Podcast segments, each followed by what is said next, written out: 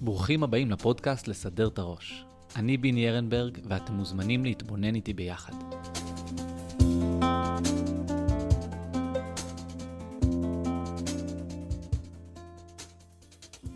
מקובל להקביל את נשמות ישראל כנגד שבעת קני המנורה, כאשר כל אחד מהקנים תואם לדרך מסוימת בעבודת השם ולנשמות ששייכות אליה. החלוקה הזו מקבילה גם לשבע מידות האדם, חסד, גבורה, תפארת, נצח, הוד, יסוד ומלכות. מצד אחד, כל הדרכים וכל המידות הן חלק בלתי נפרד מהמנורה, שמהותה הפנימי היא להאיר את העולם. על החלונות של בית המקדש כתוב בספר מלכים, ויעש לבית חלוני שקופים אטומים. וחז"ל מלמדים שהחלונות נבנו בצורה כזו כדי להוציא את אורו של בית המקדש כלפי חוץ, ולהאיר באמצעותם את העולם. בשונה מחלונות של בית רגיל, שנועדו להכניס את אור השמש אל הבית פנימה ולהאיר אותו.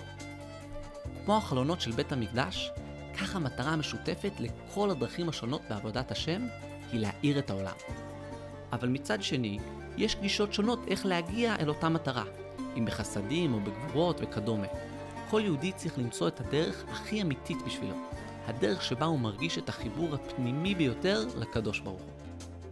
אבל למרות שלכל יהודי יש דרך עבודה ייחודית, אפשר ללמוד משהו משותף לכולנו מדרכו של אהרון, הכהן הגדול הראשון. כתוב שהוא היה אוהב את הבריות ומקרבן לתורה. אהרון היה אוהב כל אדם רק מעצם היותו בריאה של השם בעולם, בלי שום קשר למעלותיו וחסרונותיו האישיים. אפשר להסביר שאהרון כל כך אהב את השם, עד כדי כך שבכל נברא הוא היה מצליח למצוא את הנקודה האלוקית ולאהוב אותה. זו לא הייתה רק המטרה שלו, אלא גם הדרך שלו בעבודת השם. דרך מלאה חסד ואהבה, שבאמצעותה הוא היה מדליק את נשמות של עם ישראל. אבל כאן צריך לעצור ולדייק נקודה חשובה. נכון שכתוב שאהרון היה אוהב את הבריות, אבל לא פחות חשוב מכך הוא מה שנאמר בהמשך.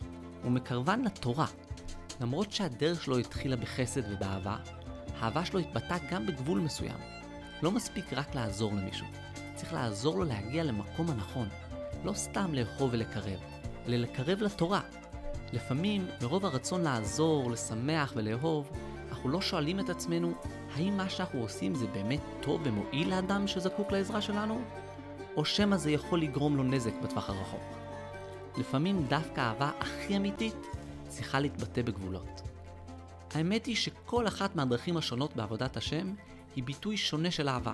בסוף, לא משנה מה הדרך שלאן אנחנו הכי מתחברים, הכל צריך להתחיל מחסד ומאהבה.